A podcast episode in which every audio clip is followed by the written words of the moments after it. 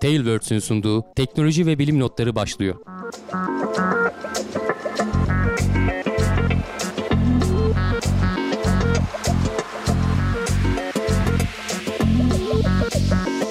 Teknoloji ve bilim notlarına hoş geldiniz. Ben Can Akbulut, yanımda Hamdi Kellecioğlu ile beraber öncelikle bayramınızı tebrik ederiz. Ee, Ramazan maratonunun ardından Evet. e, bir e, genel rehavet hali çökmüştü memlekete. Valla ben gelirken bayağı sokaklar boştu. İstanbul- bir yerlere gitmiş İstanbul'da. Evet. Ya da İstanbul iş yerleri özelinde- açılmadığı için herhalde gelmemişler bilmiyorum. Eh, İstanbul üzerinde işte Ramazan'ın son haftasında bilhassa her şeyin bayramdan sonraya ertelenmesi gibi bir adetimiz oluyor. Uzun da Ee, bir tatil var. uzun da tatil eklenince bir de sonrasında işte seçim maratonunun da e, büsbütün sıkıştıracak olduğunu bilmek insanları iyiden iyiye böyle bir e, rölantiye almıştı. Ama biz yılmadık yine notlarımızı derleyip karşınıza gelmeye devam Evet, ettik. Haftayı boş geçmeyelim dedik. Boş geçmedik. İnşallah siz de e, beğenir, e, istifade edersiniz e, derlediğimiz haberlerden. Ben yoksa ekstra bir duyurun Yok, doğrudan listemize girmeye başlıyorum. E, NASA'nın Ay projelerinden bahsede geliyoruz. Hep e, artık gündemimizde mehtaplı geceler. E, kim gidecek, kim ne götürecek, acaba üs mü kurulacak, yörüngeye mi e, yerleşilecek Ya son 2-3 haftadır neredeyse her bölümde bir kere Ay'dan ve NASA'nın işte Artemis projesinden falan bahsediyoruz. Sürekli haber bombardımanına Ee, maruz evet, kalıyoruz. çünkü NASA da herhalde taksit taksit bunları yayınlıyorlar ki ilgiyi sürekli şey tutmak için. Evet. Yani, Yani, yani bu eski bir haber değil. Gene geçtiğimiz hafta içerisinde yeni açıklanan haberlerden biri. Ee, önümüzdeki iki yıl içinde 2020 ve 2021 yılında e, Ay'a gönderilecek kargo görevleri için 3 firma seçti ve bunlar işte ihalelerini verdi aslında. Onlar 250 milyon dolar değerinde e, ihalelerini 3 firmaya vermiş oldu. İlk e, şey önümüzdeki e, yıl Eylül ayında fırlatılacak. Falcon 9 roketiyle gitmesi planlanıyor. Kargo görevi dediğim gibi Ay'a bunlar e, tabii ki hani bilimsel enstrümanlar falan da götürecekler ama daha sonraki işte 2023-24'teki Artemis projesiyle bağlantılı görevlerin altyapısını oluşturmaya yönelik görevler bunlar.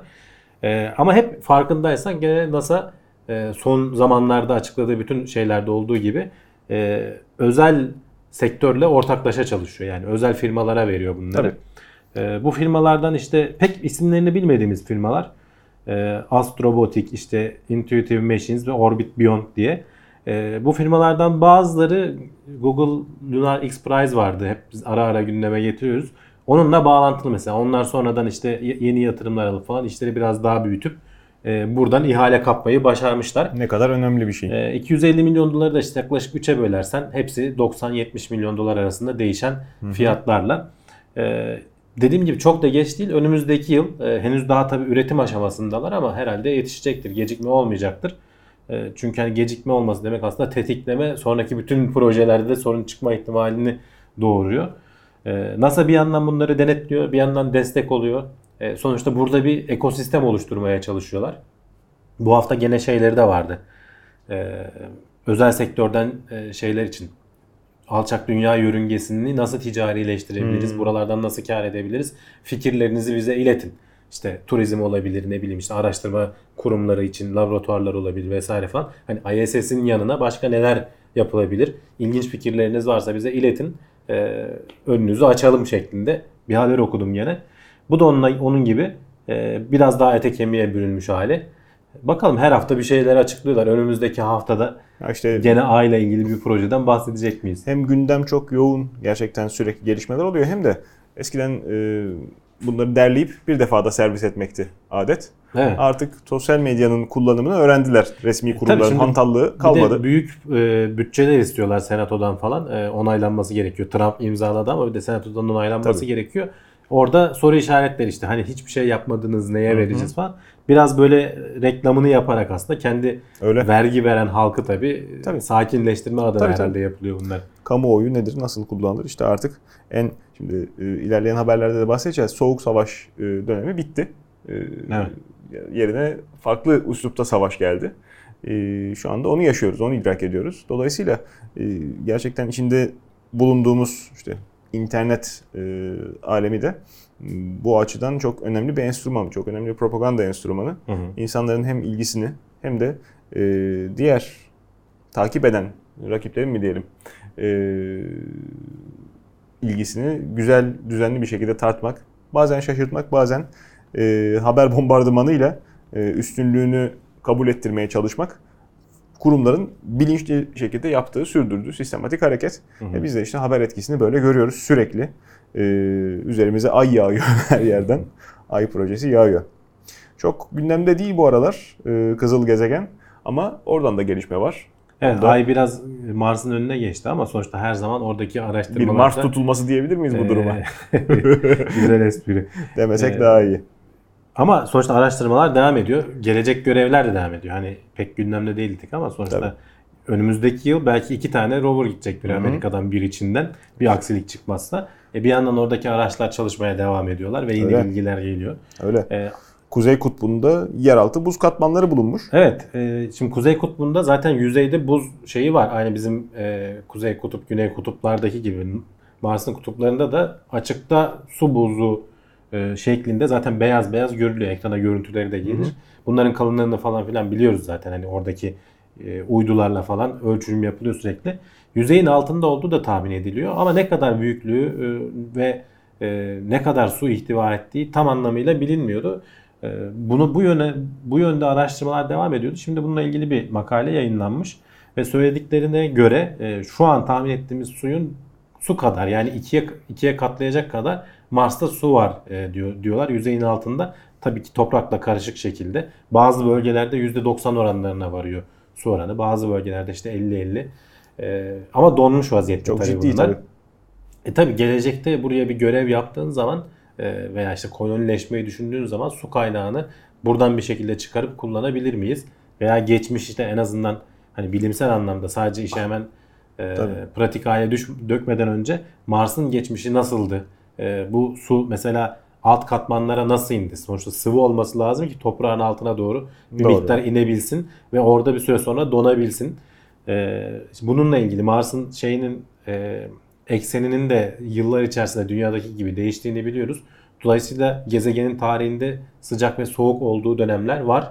Ee, o arada işte bir eriyip bir donan buz falan zamanla işte aşağı çök şey yapıp e, sızıp en sonunda da orada şu anki halini almış olabilir diyorlar. Evet. Ee, o buzun hepsi erise hani ne kadar bir buzdan bahsediyoruz dersek de şöyle bir benzetme yapmışlar. Hani oradaki buzun hepsini şu an eritmeyi başarabilsek gezegen çapında bir buçuk metrelik bir okyanus elde edebiliyoruz. Hani bayağı da bir su var demek bu aslında kaplayacağını düşünürsen. Tabii. Ee, yani gelecekte oraya gidenler e, en azından hani kutuplara yakın bir yerdeysen su sıkıntısı çekmeyeceksin gibi görünüyor. Yani çünkü buradan Ay'a bile herhangi bir malzeme götürmek ciddi ciddi e, mühendislik imtihanı iken Mars'a bir şey götürmek neredeyse imkansız. Tabii yani maliyetleri çok arttırıyor sonuçta. Maliyet, ulaşım şey imkansız hale getiriyor. Yani şu andaki teknolojik ufkumuzun ötesine geçiyor. Maliyet deyince sadece tasarlanacak olan e, Tabii, Yok hayır yani sonuçta suyu da bir şekilde değil. e, şey yapıp e, kargo gemisine koyup götürebilirsin ama işte çok yani bir metreküp su bir ton ediyor. Düşün yani Mant- bayağı tabii. ağır bir şey yani Mantık su. dışı. O nedenle e, Mars'ın kaynakları da ciddi ciddi inceleniyor. Curiosity'de bir taş parçasında kil bulmuş. Evet hani bir yandan e, oradaki robotlar çalışıyor dedik. İşte az önceki haber Suyu bulduk, uydudandı. Bir de- Çömlek yapıp içine de doldurabileceğiz yani. Yani kil e, suyun olduğu ortamda oluşan bir şey zaten. O yüzden aslında kil arıyoruz. Zaten bu Curiosity'nin gittiği kraterde e, daha önceden hani uyduyla tespit edilebilecek kil olan olması tahmin edilen yerler vardı. Ve en son işte görev belli bir şeyde izliyor yani rotada devam ediyor. En son oraya geldi ve oradaki iki taş parçasını incelemiş ve bu yoğun miktarda kil e, tespit etmiş. Tabii ayrıntıları devam edecek araştırmalar. Hani nasıl bir ortamda oluştu? E, o kil e, nasıl bir suyla etkileşim içinde bulundu? Muhtemelen işte o bulunduğu krater e, suyla doluydu falan diyorlar. E, onlar katman katman işte üstüne başka tabaka birikiyor vesaire falan. O krateri seçmelerinin sebebi de o aslında. Kraterin ortasında garip bir şekilde yükselen bir de dağ var. O dağın kenarlarında zaten hareket ederek e, alt katmanlara doğru şeyleri bulabiliyorsun. Geçmişe dönük tarihi inceleyebiliyorsun. E, iyi haberlerden biri de bu aslında. Evet. Yani görevi yani gönderiliş amacının e, doğruladığı şeylerden biri diyelim. Doğru. Çevremize dikkatle bakmak lazım. Ee, sadece içinde yaşadığımız dünyanın e, özelliklerini mercek tutuyoruz. O bile yetmiyor. insanların yeterince dikkatini çekmiyor ama e, güneş sistemindeyiz. E, bulunduğumuz coğrafyaya çok ciddi manada e, etkisi olan e, ufak tefek değişimleri oluyor. Çevremizdeki gezegenlerin, bilhassa güneşin. E, 11 yıllık manyetik alan döngüleri tespit ediliyor güneşte.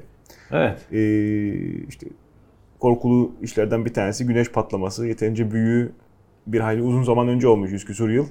E, yeniden Yani olmaz ufak umarım. ufak olanlar oluyor. Ee, sonuçta bunların dünyaya etkileri de oluyor. İşte bazı iletişim uydularının arızalanması falan buna bağlanıyor. Bu kadar çok Dünya üzerinde de etkileri oluyor. elektromanyetik dalga ve elektrikli cihazın kullanıldığı dönemde hiç patlama olmamış. Ciddi e, Evet, aurora ama olmamış. çok nispeten kısa bir dönem hani ona bakarsan. Yani. Yani dünyanın Aha. e, yaşına vesaireye falan bakarsan. Olursa küresel ekonomik kaos e, olası sonuçlarından bir tanesi diye tahminler yürütülüyor. O yüzden pek sevimli bir şey değil. E, güneşin manyetik alan döngüleri de o yüzden izlemeye değer. Bu Evet. 11 yıllık döngülere gezegenlerin çekim gücünün tesirinin olabileceği iddia Evet, ediliyor. bu 11 yıllık döngü daha önce konuşmuştuk. E, Hatta ben şey diye komik bulmuştum. Bir gazetemiz güneş baş aşağı döndü falan gibi Hmm. başlıklarla olayı duyurmuştu. Evet, evet. Aslında hani dönen manyetik alanının Hı hı. e, yönelimi yani. Hani dünyada da olacak diyoruz ya Kuzey Kutbu e, pusulalar kuzeyi gösterirken bir anda dönüp güneyi gösterecek. gösterecek. Geçmişte de yaşanmış bu işte jeolojik kayıtlarla biliyoruz. Güneşte bu daha sık tekrarlanıyor. 11 yılda bir. Ama ilginç olan şu çok düzenli bir şekilde yaklaşık 11 yılda bir ortalama tekrarlanması e, şaşırtıyordu. Hani buna tam olarak neyin sebep olduğunu bilemiyoruz. Zaten Evet. iç yapısını kolay kolay incelemek de mümkün değil. Şöyle bir ilişki bulmuşlar. Gezegenlerin güneşin etrafında dönerken işte belli şekilde dizilmesi biraz işte şeyler astrologların hoşuna gidecek bu haber. Hmm. E, belli bir oranda dizilmesi güneşin iç yapısını etkileyerek şimdi güneş çok büyük aslında. Bu gezegenler orada devede kulak kalıyor. Hani şöyle düşün. Güneş sisteminin %99'u e, yanlış hatırlamıyorsam güneş geri kalan %1'e bütün gezegenler sığıyordu. Kütlesel olarak. E, ama işte Jüpiter, Venüs ve Dünya belli bir hizaya denk geldiği zaman bu aynı bizim ayın e, dünyadaki suları etkilemesi gibi gelgitlere neden oluyor ya. Güneşin de içindeki bazı Güneşte- mekanizmaları etkileyerek bu manyetik alandaki bozulmalara neden olup tersine dönmesine neden oluyor olabilir diyorlar. Çünkü gerçekten de hani bu geçmişe dönük incelemişler. Şeyler hep e, korelasyonu tutuyor. Yani bu gezegenlerin ama denk geliyor da olabilir. Hani bunu açıklıyorlar. Bundan dolayı Tabii. oluyor diye ama sonuçta içeride düzgün işleyen başka hani böyle saat gibi işleyen bir başka mekanizma varsa gezegenlerin dönüşüyle de tutuyor olabilir. Güneşin katı olmadığını biliyoruz. Dolayısıyla daha hassas dengeler üzerine e, çalışıyor Çok hafif olması bir etki zaten diyorum ya. Tabii. O %1'in işte bir de uzaklığa bağlı şeyini düşün. Hani e, kütle çekimini düşün. Çok ufak bir etki ama işte o şeyi bozabilecek kadar manyetik alanın hassas dengesini bozabilecek bir sonuç yaratabiliyor diyorlar. E, bu etki bir kere hani bir kere de dönmüyor. O güneşteki o aktiviteler e, en tepe noktaya ulaştıktan sonra mesela otomatik şey yapıyor. Hafif düşüp sonra tekrar yükseliyor. Orada bir çift tepe yaptığını söylüyorlar. O çift tepenin de nedenlerinden biri işte bu gezegenlerin e, belli bir şeye dö- dönüş şekilde dönerken sıralanmasıyla alakalı olabilir diyorlar. Çünkü niye yani hani tam en tepe noktasındayken önce bir e, sessiz dönem olup sonra tekrar yükselip sonra tekrar düşmesi e, bu dönmeyle ilgili olabilir diyorlar. Gezegenlerin İlginç. güneşi etkilemesiyle aynı dediğim gibi hani dünyadaki suyu sonuçta ay etkileyebiliyor. Büyük bir kütle dünyaya oldukça yakın.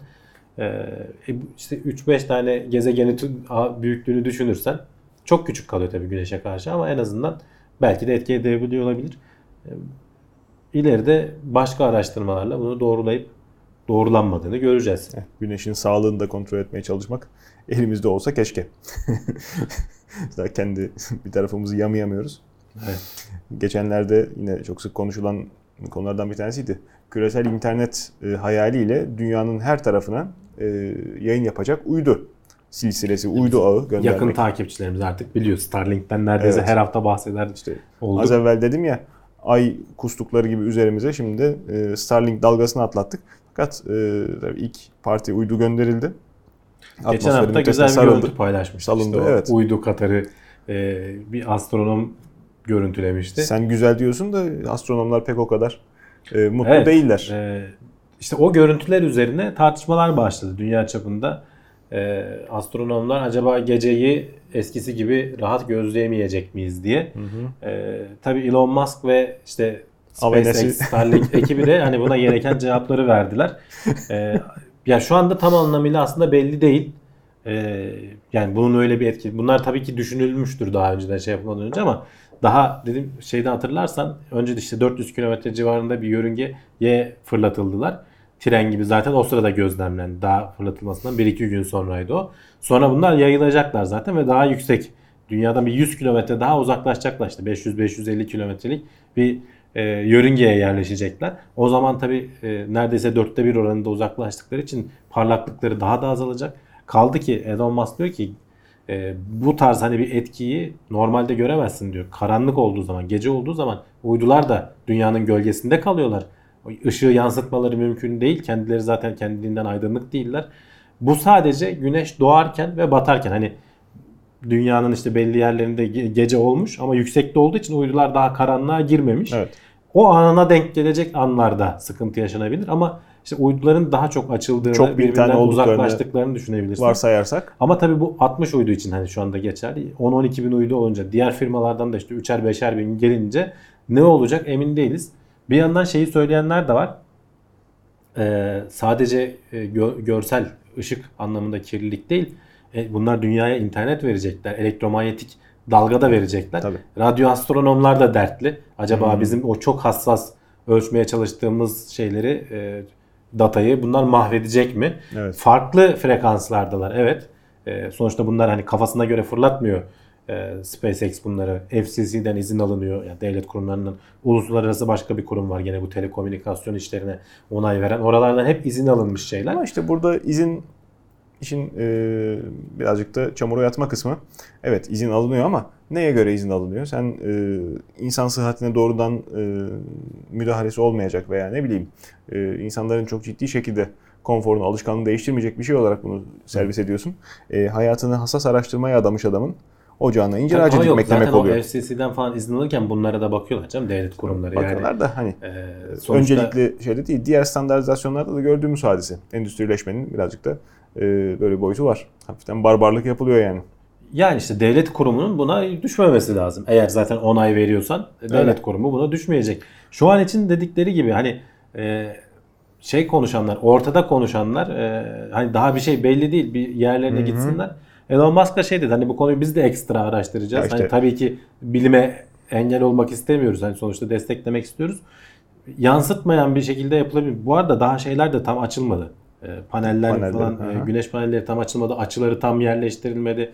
Yani ne olacağı belli değil. Belki o kadar da yansıtmayacak bir hale getirebilecekler. Yani- Belki uyduların ilerleyen dönemde yüzeylerinin belli bir işte yansıtmayan bir boyayla kaplanması söz konusu olabilir ama o zaman da soğutma problemi olur diyorlar. Verimleri düşer. Ee, uzayda biliyorsun hani güneş aldığın zaman bayağı ısınıyorsun. Almadığın zaman da bayağı soğuyorsun.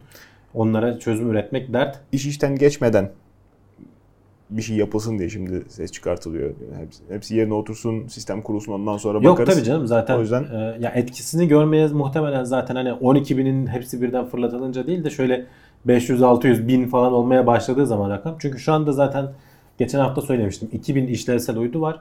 Yaklaşık 4500 5000 de hani işlevsiz artık çalışmayan e, ama yörüngede dolanan uydu var. Yani bunlar şu anda zaten bir bu kadar var. E sen şimdi buna bir bin daha ekleyeceksin işte 12 bine kadar çıkaracağım diyorsun. Rakipler de gelecek. Binlerce uydu. Yani gökyüzü eskisi gibi olmayacağı Olmayacak. kesin. Vaat Ee, ettikleri şey muhteşem. Bütün dünyada. O da anlık- tartışmalı. Yani hani internete, Süper bütün internet. dünyaya nasıl sunacaklar, ne olacak, Tabii. e, tabii. fiyatlar nasıl olacak falan. Doğru. E, sonuçta burada bir hani karşılıklı bir çıkar çatışması var. Hani bilimsel Hmm. araştırma da önemli. Orada onların problemi şu. Yani çok uzaklara, çok az ışık yayan şeylere deli gibi hassas aletlerle odaklanmaya çalışıyorlar. E senin yakınında onu bozan işte fazla bozlamaya neden olan veya işte belki patlatan senin Tabii. resmin bir şey var. ışık kaynağı olacak. Ama dediğim gibi yani biraz şey aklıma yatıyor. Yani çok az sınırlı bir dönemde bu ışığı yansıtacak. Yani e, gece olduğu zaman sonuçta şey yapmayacaklar. Radyo astronom kısımlarını etkileyen kısım öyle değil. Sürekli iletişim halinde olacakları için dünyanın etrafında bir elektromanyetik kirlilik olacak ekstradan. Maalesef. Farklı Maalesef. bantta veya frekansta ama sonuçta varlar yani. Öyle. En az zararlı e, bu döneminde atlatılacağı e, aşikar ama işte yaşanan sürtüşmeler hep haber mevzu oluyor. Evet. Daha e, ne bileyim az ciddi bir haberle devam edelim. Daha az ciddi bir maddeyle devam edelim.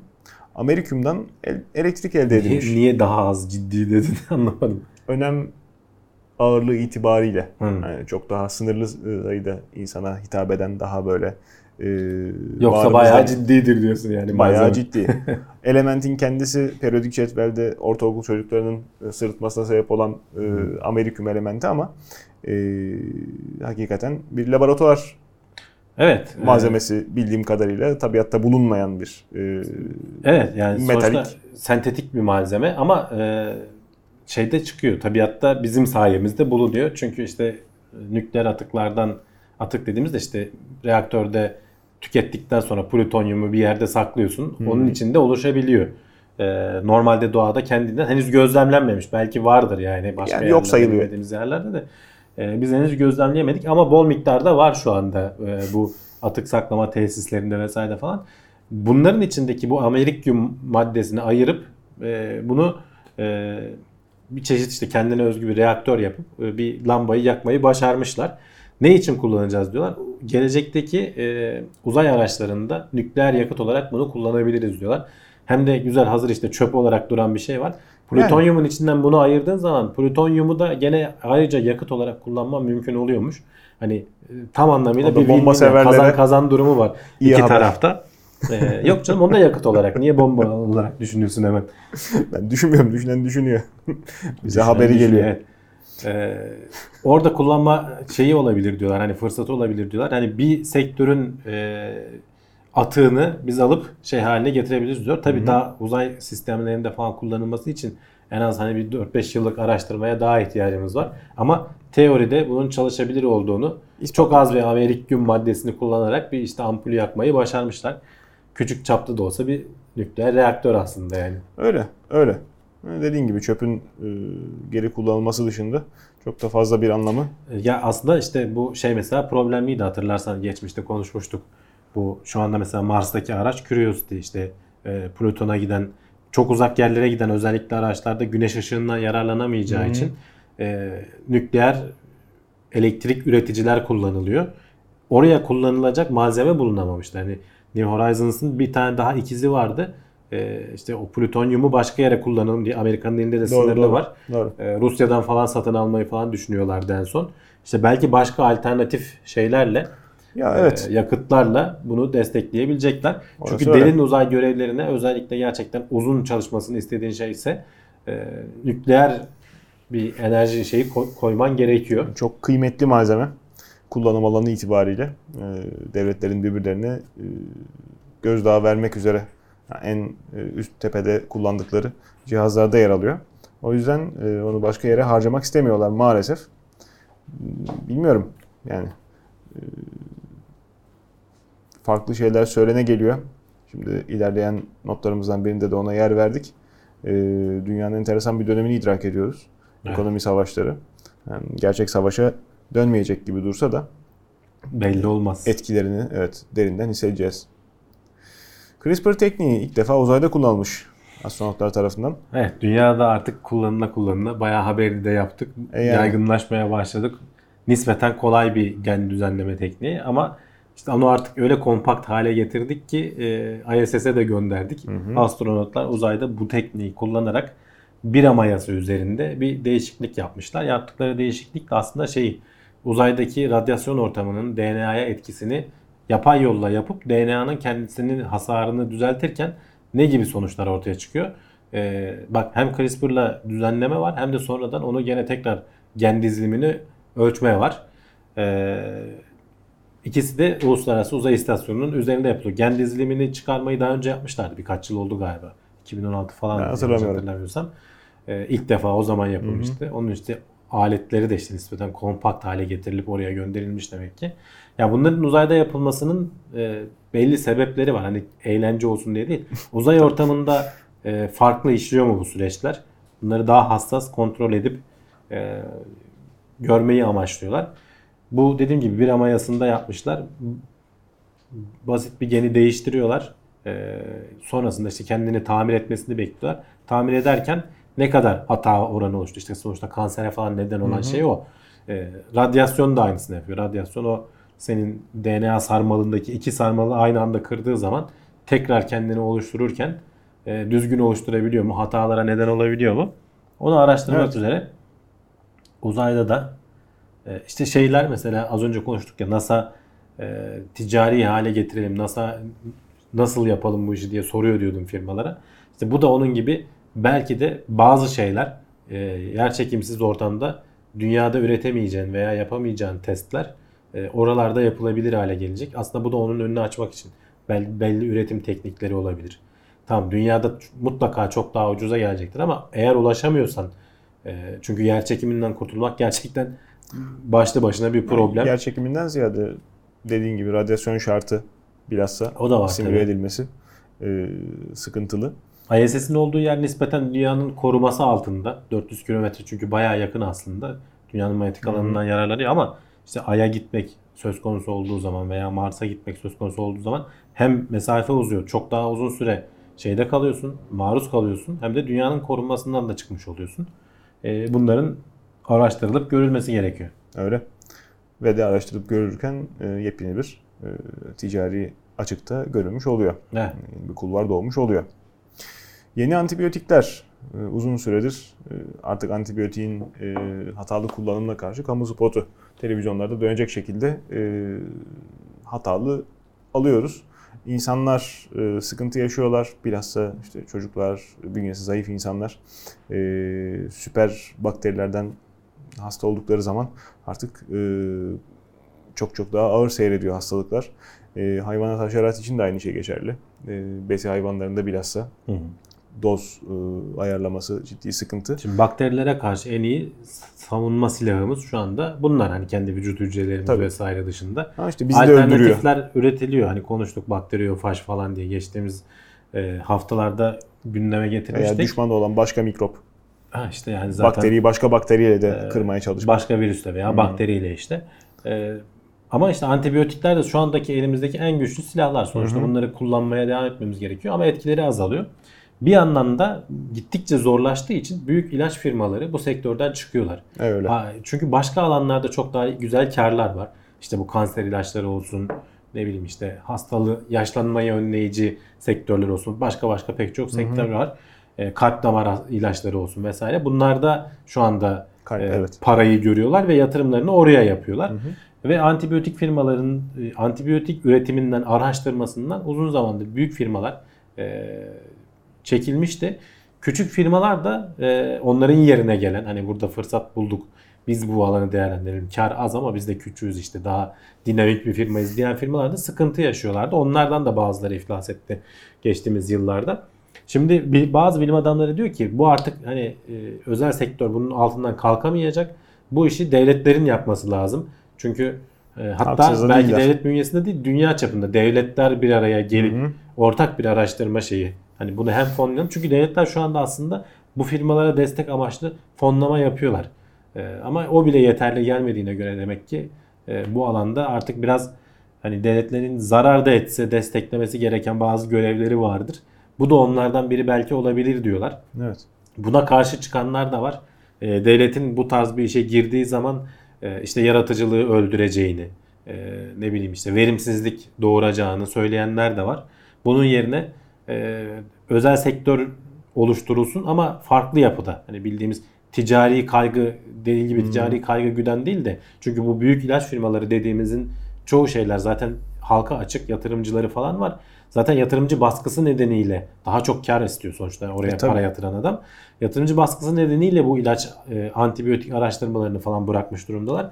Biz diyorlar ki öyle yatırımcılı firmalar şey yapalım ki oluşturalım ki büyük karlar beklemesin. Hani az kar etsin.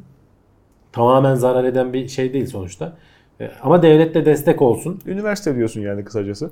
Üniversiteler Olması değil de gereken. işte e, sonuçta özel üniversitelerle gene en- eninde sonunda ortak çalışmak gerekiyor tabii. Araştırma işin içine girdiği zaman Yapı ama itibariyle yani. özel firmayı tarzı. özel sektör yapısını bozmayalım. Hani o rekabetçi ortamı, o dinamizmi ortadan kaldırmayalım diyenler de var. Ee, bilmiyorum hani gelecek yıllarda belki gö- görme şansına erişeceğiz. Hani belki Dünya Sağlık Örgütü bünyesinde mi olur? Devletler bir araya gelecekse Topyekun veya seferberlik. bunu ha, stratejik bir şey görüp devletler kendi çapında, kendi başlarına mı takılırlar? Onu göreceğiz. Veya belki de hiç gerek kalmayacak. dediğimiz gibi antibiyotikler gibi böyle toptan bütün Tabii. vücudu etkileyen değil de nokta atış e, bu işte bakteriyofajlar Şimdi falan teknikler Geçiş geliş- dönemi olmasının ciddi sıkıntısı. Elimizde o da yok, bu da yok. Şu anda Evet. kalmış vaziyetteyiz. Tamamen yok değil. Sonuçta hala antibiyotik bulunma ihtimali oluyor işte. Hiç olmadık yerlere Tabii de ki. bakıyoruz. Tabii, Biz tabii. konuşuyoruz. Ee, işte yok yerdeki topraktan hiç Hmm. bilmediğin bir madde çıkarıyorsun. Ee, onun Ameriküm. mesela yani Ameriküm değil canım bunlar Ondan da ampul yapıyorsun. element değil yani bunlar daha şey molekül Beşinci şey, organik diyorsun. bileşenler bunlar. ele geliyor mu? Radyoaktif olmasın da. Şimdi e, sıradaki haberimiz aslında birçok e, farklı yerden karşınıza çıkmıştır yakın dönemde. E, derin öğrenme teknikleriyle yüz nakli e, videolara efendime söyleyeyim sesle beraber çok çok ciddi artık başarılı olmaya başladı ve gerçekten elde edilen sonuçlar tüyler ürpertiyor. Hiç kimsenin artık ben işte şunu demedim bunu demedim internette videom yoktur deme lüksü kalmayacağı benziyor. İyice. Belki de kalacak yani. Herkes bunun ha böyle olabiliyormuş dedikten sonra herkes gerçek görüntüleri bile reddeder hale gelecek tam tersi. o hani da İnternetin Başka şu bakış anda açısı. yalanlar çağını başlattığı söyleniyor ya işte Hı hı. post truth gerçek ötesi Evet. e, çağdayız diyorlar. E, Şimdi ya- aynı- yalanların yayılması gerçekten gerçeklerden daha çok hızlı daha oluyor. çok daha lezzetli. Belki onda da öyle olacak. Bakacağız işte sıkıntılı bir dönem e, her açıdan. E, fakat bir grup e, araştırmacı da olaya tersten yaklaşmış. E, yine aynı derin öğrenme tekniğini kullanarak sesten insanın yüz hatlarını tahmin etmek üzerine e, Evet. son derece başarılı bir çalışma yapmışlar. Yani, yani ekrana zaten örnekler gelecektir. E, bu tamamen bilimsel amaçlı yapılmış bir çalışma. E, çok kısa bir, bir kişinin ses konuştuğu bir şeyden yüzünü tahmin etmeye çalışıyor. Tamam tahmin ettiği şeyler robot resim kıvamında kalıyor. Yani birebir çat diye bulmasını ben açıkçası beklemem zaten. Ama Sonuç şaşırtıcı gayet. Şimdi bir insanın ses tonuna şey yansıyor zaten. Yaşlı olup Tabii. olmadığı, işte gençliği, e, belki mesela zenci olup olmadığı, onların çünkü kendilerine has bir ses tonları var falan. Bunları kabaca veya şeyden de anlarsın mesela uzak doğulu olup olmadığı, hani onun vurgularından, e, konuştuğu dilden falan net bir şekilde anlayabiliyorsun. Evet, E, ama işte o yüz hatlarını falan çıkarması e, yani şaşırtıcı. Kendileri de beklediklerinden daha iyi Şimdi yüz sonuçlar almışlar. hatlarından daha evvel e, galiba firavunlardan birinin de e, mumya üzerinden modellemeyle yüz hatlarından sesini tahmin edebiliyorlar veya daha evvel Hmm. Mona Lisa'da yapmışlardı doğru. Mona Lisa'nın sesi konuşsaydı şöyle olacaktı gibi. Tersten gidildiğinde Evet. böyle bir sonuç alınabiliyor. Çünkü kemiklerin yapısı, çenemiz, dişlerin e, mimarisi, dilin büyüklüğü, işte kullandığımız e, bütün harflere, bütün vurgulara yansıyor. E, dolayısıyla da Bir de Can şeyi düşün. bu Bunlar konuda ciddi bir bilgi birikimimiz var yani. evet bir de bunlar e, bu tarz araştırmaların daha ilk nesilleri. Yani şundan bir 10 yıl 20 yıl sonra bunların ne kadar geliştiğini düşünürsen e, bir insanın ses tonundan gerçekten hani e, ha bu nerede kullanılır dersen çok böyle ben, ben bir alan düşünemiyorum. Hani belki işte e, adli tıp alanında hani bir ses kaydı bilmem nesi varsa kişinin yüzünü falan bulmakta kabaca Yani bir resmini çıkarmakta kullanırsın. Yüzünü saklamıştır. Sesini Ee, de saklar gerçi ona bakarsan. Hani Sesinde- bu, bu teknoloji geliştiği zaman ama Saklamadan eller yukarı bu bir soygundur dedi mi? ya bu Ha, gitti işte sonra. aslında şeyi göstermek açısından ilginç. Yani bu yapay zeka olayının insanların önüne ne gibi fırsatlar açabildiğini yani şu an hiç aklımıza gelmeyen şeylerle uğraşıyorlar. Öyle. Öyle. Ve yani hiç de kötü olmayan sonuçlar alınıyor. Hı hı. Yani şu an alay edilecek bir tarafı yok. Gerçekten ciddi bir e, uğraşı. Devamında da e, hem kullanım alanı olarak şimdi düşünsene telefonda konuştuğun kişinin yüz hatlarını bildikten sonra bir de e, hepimizin yüz taramasıyla e, zaten internet doldurduğunu Hı hı. biliyoruz. Yani big data'nın okunması. Tabii tabii. Söz Gerçi konusu. mesela ellerinde büyük şey veri var. Niye? Çünkü milyonlarca saat video var artık YouTube'da. Öyle. Adamın yüzü de belli, sesi de belli. Öyle öyle. Bunları tabii zaten bilimsel araştırma olduğu için şey diyorlar hani kişisel gizliliğe falan da önem veriyoruz. Bu tarz işte şeyleri daha Onu anonimleştirerek kullanacağız diye Tabii ama- ileride.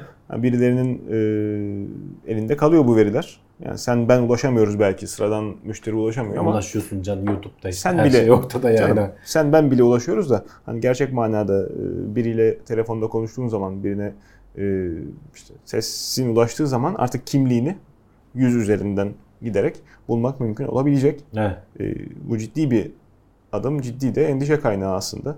Yani e, artık hayatımıza, yaptığımız işlere çok daha dikkatli bakmak lazım. Bizim için değil belki ama şu anda ergenliğini idrak etmekte olan arkadaşlara bu çok ciddi bir e, tokat e, üzerlerine patlayacak Yok olan. canım niye? Yani bilgisayarı bilinçsizce kullanan, internette e, istemediği izler bırakan insanlar gelecekte bunların acısını çekiyor. Gençken aldığı abuk subuk işte Üsküdar'ın yalnız prensi 53 mail adresini sahibi olarak ne bileyim işte. E, sonradan bunun Öyle, bile evet. acısını çeken insanlar gördükten sonra Eskiden daha rahat kayboluyordu bilgi. Şimdi artık kaybolmuyor. Her Kaybolmuyor. şey kaybolmuyor. bir yerlerde kayıtlı Ve olarak duruyor. e, iz olarak kollanan şeyler de senin kurtulamayacağın dokuların. Vücudun, sesin, gözün. O yüzden bunlar önemli e, gelişmeler. İnsanlığın geçmekte olduğu e, çağın idraki açısından çok önemli. Biz bunları konuşurken tabii insanlığın bir kısmı da on binlerce yıllık zırvalarla, safsatalarla kendilerini eğleyip duruyor. İçinde ne olduğu belli olmayan homeopatik ilaçları kullanan bir hasta e, maalesef yan etkilerden sebep e, Hayatını kaybetmiş. yitirdi. Ee, yani şimdi ilaç sektörü devletler tarafından çok ciddi şekilde kontrol ediliyor. Yani her devletin iyi kötü bu alanda şeyi var. Ama işte bu vitaminler, işte katkılar e, vesaire falan bizde de öyle. Sağlık Bakanlığı'nın kontrolünde değil, çok daha gevşek bu işlere bakan Tarım Bakanlığı'nın kontrolünde. Homeopati ilaçları da ismi ilaç diye geçiyor ama e, hiç ilaç olmadığı için aslında İlaç olmadığını bağıra çağıra söylüyorlar. Bakarsan. boş su olduğu için Tabii. veya şeker tableti olduğu için normalde zararsız gibi düşünüyorsun.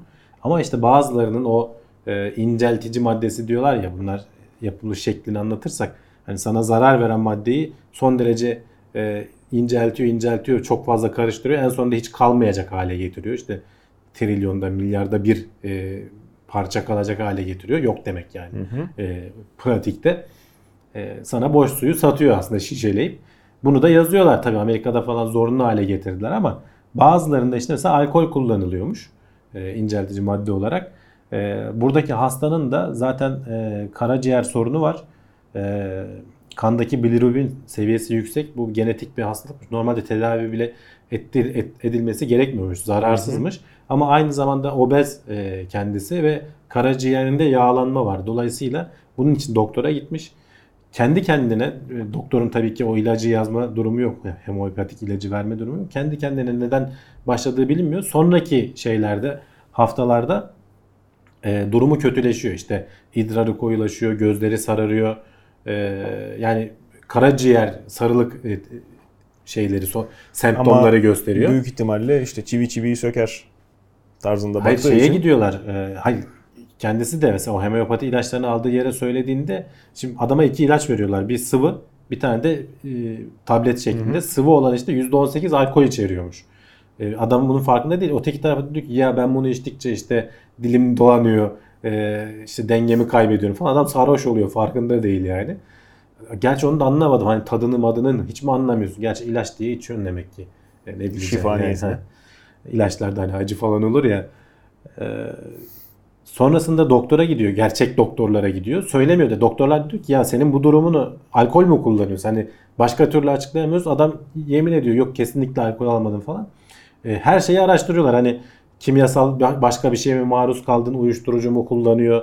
E, tarımsal ilaca mı maruz kaldı? Yani e, laboratuvar, patologlar bunun her şeyini araştırmak zorunda kalıyorlar. En sonunda bir şekilde adam şeyi söylüyor.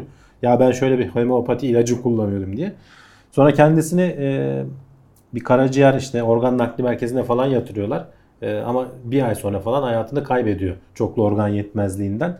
İşte yani hiçbir şey olmasa su olsa e, belki giden sadece paran olacak. Evet. E, ama işte bir de içinde ne olduğunu bilmediğin bu maddeleri bu tırnak içinde ilaçları kullandığın zaman çok saçma sapan sonuçlara ulaşabiliyorsun. Dediğim gibi normal ilaçlar çok sıkı kontrollerden geçiyor.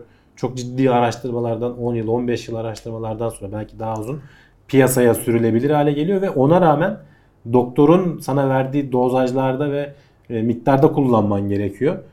Bu homeopati öyle değil. Tamam onu da belki biri yazdı sana bilmiyorum. Bazı doktorlar da kullanıyorlar. Ben internette falan El görüyorum. altından gidenler, el altından satılanlar çok fena. Yani Ee, doktorun işte doktorun yazması olduğunu tıbba bilmiyorsun yardım. canım. Yani canım. Ya adama şimdi baksana el almaması gereken adam kendisi internet dolu yıkılıyor. İşte büyütücü, büktürücü, kaldırıcı, indirici, abuk subuk bir sürü kimyasal. İşte nesli tükenmekte olan hayvanların nesli niye tükeniyor bakıyorsun. Küfür edip kapatıyorsun sekmeyi. İnsanların gerçekten çok ciddi manada ümidini sömüren, e, bir takım isteklerini karşılama vaadiyle paralarını ciddi ciddi söğüşleyen bir grup başka dolandırıcı aramızda ya- yaşıyor.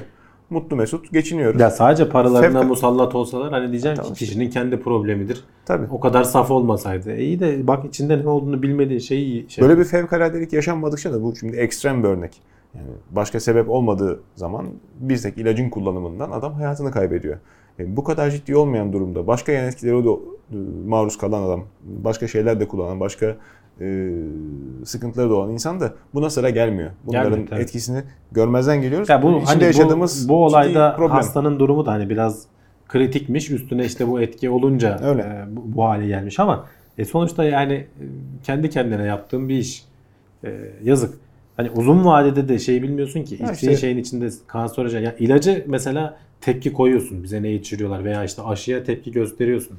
E ama buna hiç şey yapılmıyor. Ben de onu anlamıyorum. Televizyonlarda haber kanallarında bar bar bağırıyorlar işte bilmem ne oyunu çocukları tehdit ediyor. Bilmem Hmm. ne e, internetteki şu tehdidi falan.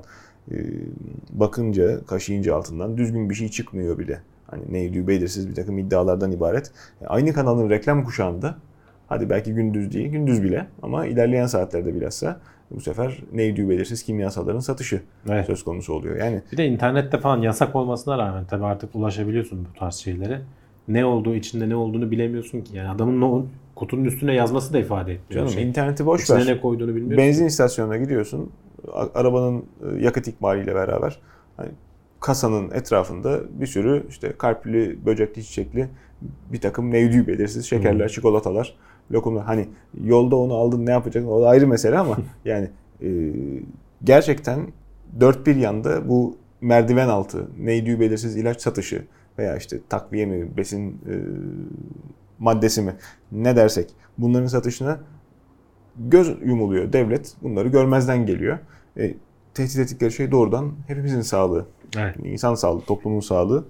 O yüzden e, bu da önemli bir haber. Önemli bir vesileyle biz de anmış olalım. Beyefendiye de Allah'tan rahmet kalanlarına sağlık e, nedir? Sabır dileyelim. Sağlık da dileyelim tabii. Başta söyledik. e, dünyanın gerçekten ateşli bir e, dönemindeyiz. E, soğuk savaş bitti. ılık savaş devam ediyor. Ticaret savaşları diye geçiyor. Amerika ile Çin birbirine karşılıklı şişen iki kedi gibi. Evet. E, En son işte bizim gündemlerde falan da konuştular Murat'la Levent. Ee, Huawei'ye karşı Amerika'nın büyük bir operasyonu olmuştu. Ee, yani Çin'le Amerika şu anda birbirlerine karşı önce işte vergiyle falan başladı. Türkiye ile de yaşanıyor.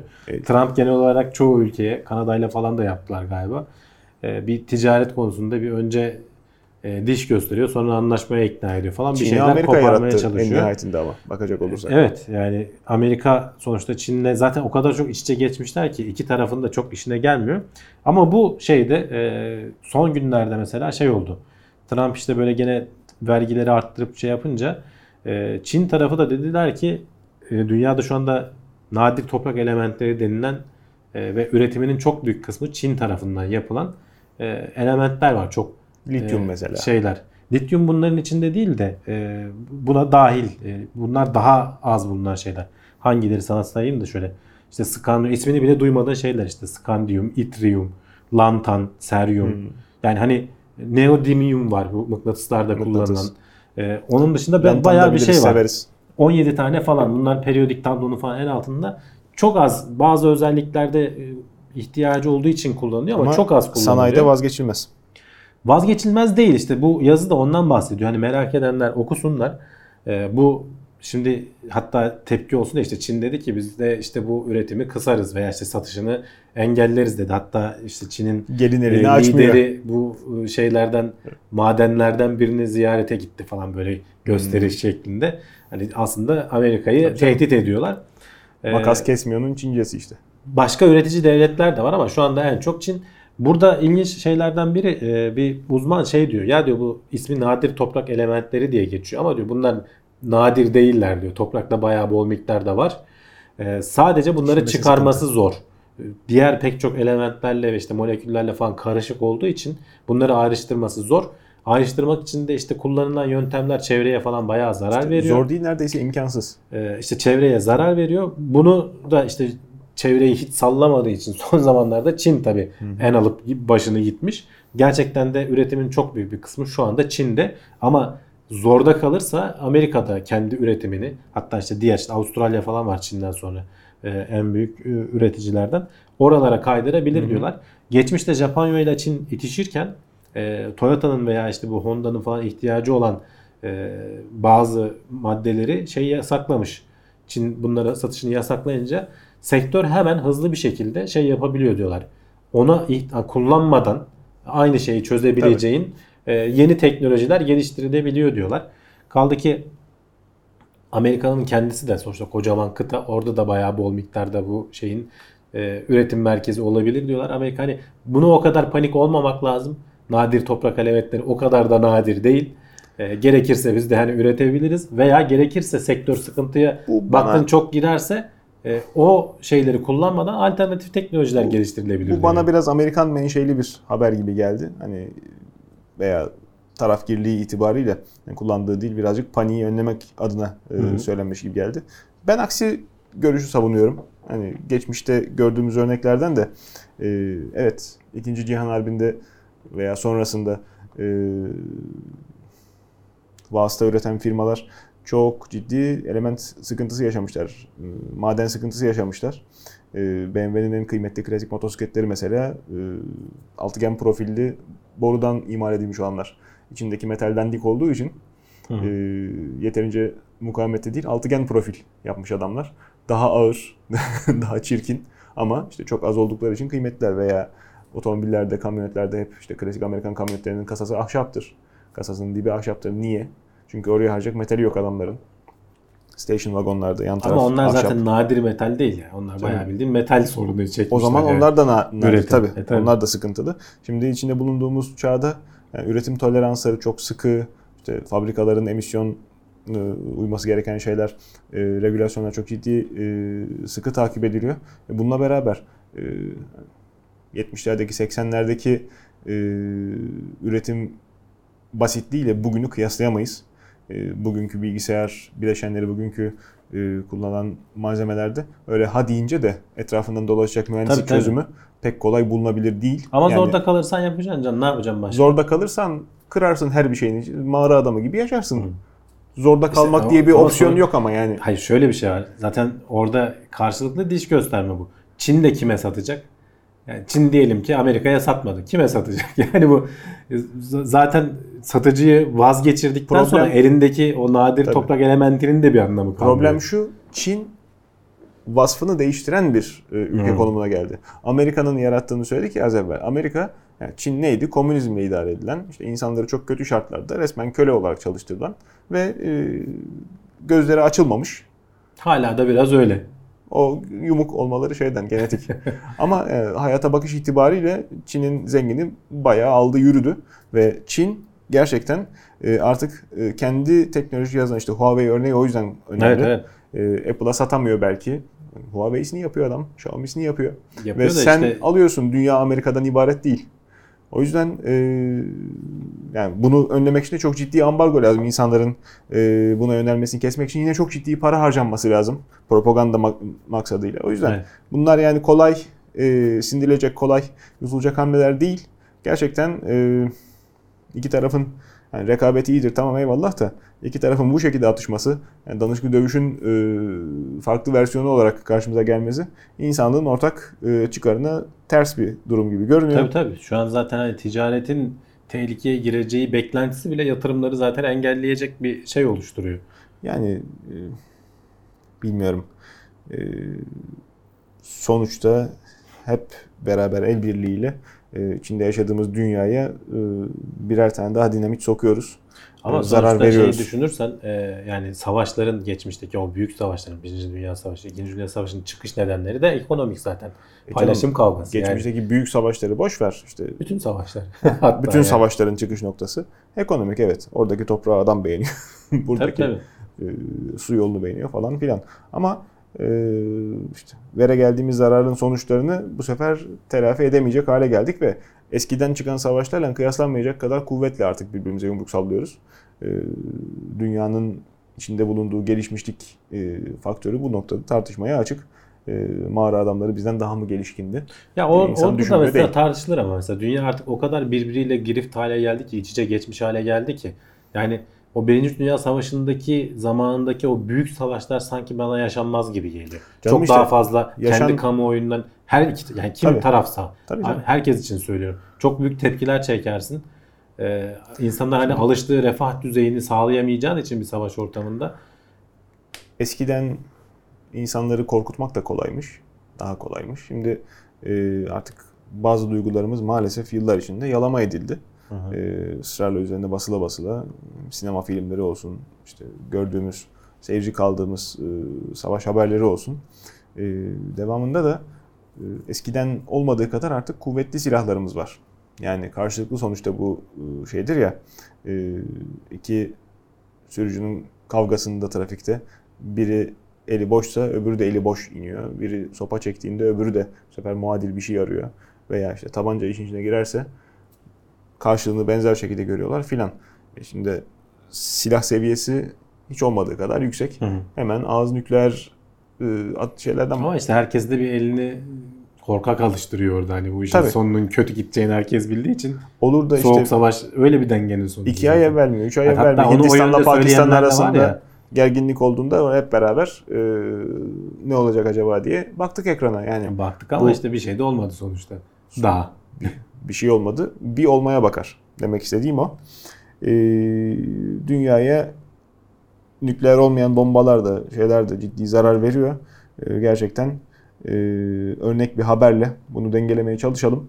Filipinler'de öğrencilere mezuniyet evvelinde 10 tane fidan dikme zorunluluğu getirilmiş. 10 ağaç dikmeyen Mezun, Mezun olamıyor. olamıyor. Değil mi? Yani bu bayağı meclisten geçmiş kanun olmuş yani. Gerçekten. Hani böyle e, sözde kalan bir kampanya değil. Evet. E, meclisten geçirmişler. Çünkü onların da hani 1990 ile 2005 yılları arasında %30 oranında ağaç şeyini kaybetmiş Filipinler. Yani kaçak kesimler vesaire Hmm. falan düşünürsen.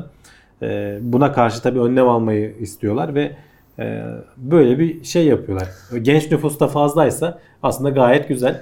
Sonuçta Güneydoğu Asya'da- milyarlarca fidan edecek. Bunların %10'u bile tutsa diyorlar. Tabii canım. E, bayağı ormanların önemli bir kısmını geri getiririz diyorlar. Güneydoğu Asya'da bunun kültürü var. Bizde pek yok. Ee, maalesef buralarda Ya, hep aynen kopyalayabiliriz aslında Can. Yani hakikaten üniversiteden, e, liseden hatta belki daha alt sınıflara kadar indir yani. Mezun olmadan önce. Arkadaşlardan ilgili olanlar e, araştırıp bulsunlar. Pavlonya ağacının e, bildiğim kadarıyla e, ya Endonezya'da ya Malezya'da şimdi karışmış bir şeyler.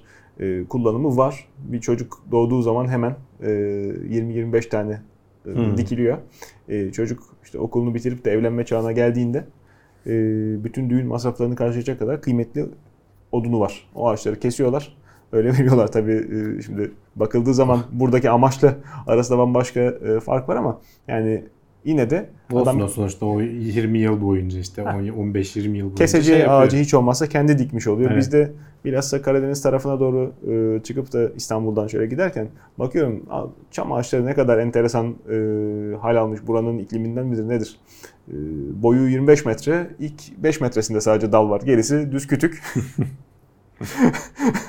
Rüzgardan ses yapmasın bahanesiyle mi artık nasıl bir şeyse teker teker dalları kesip ağacı kesmeden nasıl odun elde edilir e, bize güzel göstermiş arkadaşlar. Sakarya tarafında falan bilhassa çok var. E, yani bilmiyorum. E, bakışı değiştirmek lazım, örnek almak lazım. E, dünyanın dört bir yanından e, olumsuz haberler geliyor. E, umarım biraz daha büyük başların dikkatini çeker. E, onlara da ilham vesilesi olur bu bakış. Yoksa daha önce de söylemiştik bu hafta net haber olarak almamışız. Küresel ısınmanın tesirlerini zaten sürekli görüyoruz. Hiç olmadığı kadar artık e, biz de tropik yazlar geçiriyoruz. Bakalım e, bir bayramı daha böyle idrak etmiş olalım. Evet. Tekrardan hepinize tebrikler. E, teknoseyir.com hazırladı sundu bu e, notları sizlere. Teknoseyir ismiyle bizi bütün sosyal mecralarda bulabilirsiniz. Sorularınız varsa bekleriz. Plus abonesi olsaydınız bayramın birinci günü Evet. bunu izlemiş olacaktınız. E, biraz daha rötarlı yayınlanıyor diğer takipçilerimize. İyi seyirler.